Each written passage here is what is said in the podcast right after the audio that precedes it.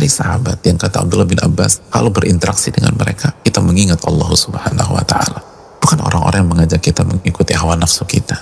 Kita membutuhkan Allah, lalu kita membutuhkan sahabat-sahabat yang baik. Bukan hanya pada saat kita semangat ibadah, tapi juga pada saat kita melakukan kesalahan dan blunder.